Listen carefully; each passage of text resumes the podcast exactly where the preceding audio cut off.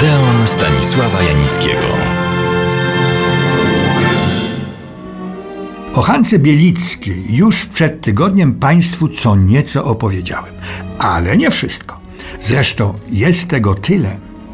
Na początek dla zachęty. Hanka Bielicka. Jak byłam mała, to pamiętam ciągle powtarzałam.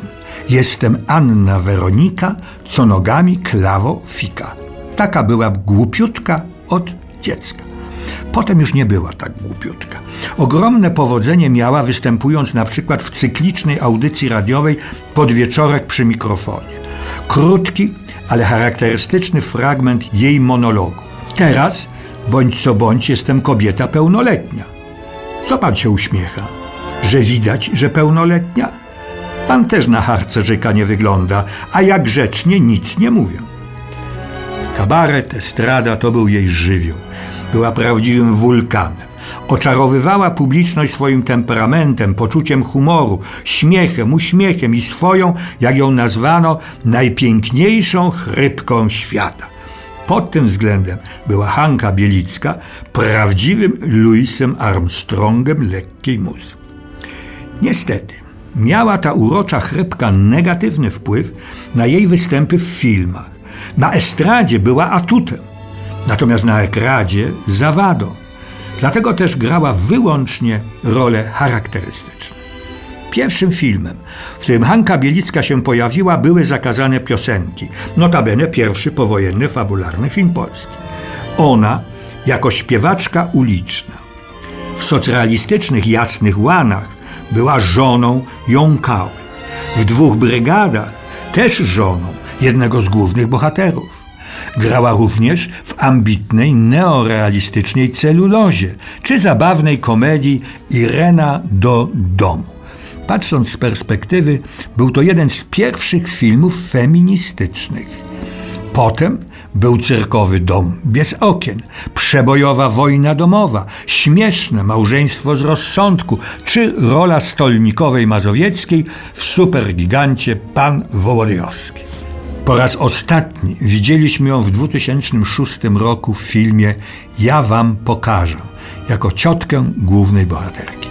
A teraz trochę poplotkujemy. Zacznę od zacytowania samej Hanki Bielickiej, która w czasie jakiegoś wywiadu powiedziała: Moje życie romantyczne było pod zdechłym azorkiem. A tak dokładniej.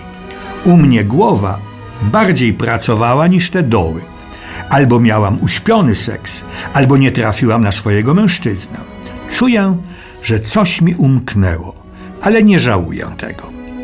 Jej pierwszym mężczyzną był kolega po fachu, znany aktor Jerzy Duszyński, z którym, również z innymi świeżo upieczonymi aktorami, wyjechała w 1939 roku do pierwszej pracy w Teatrze Wileńskim na Pochulance.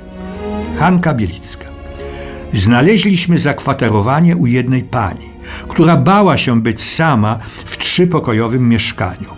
Danka, Danuta Szaflarska, powiada to ja z Ireną, dopowiem Brzezińską, i ty z Jurkiem, dopowiem Duszyński.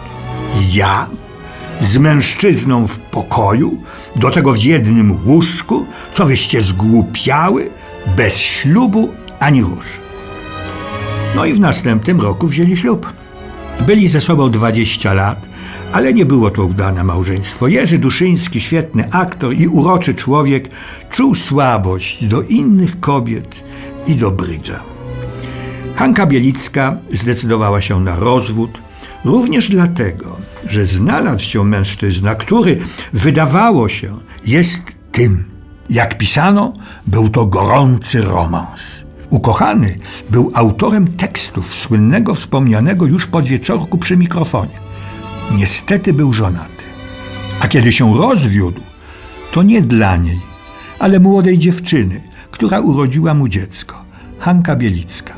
Odchorowałam to mocno, myślałam nawet o samobójstwie. Na szczęście w porę je udaremniono.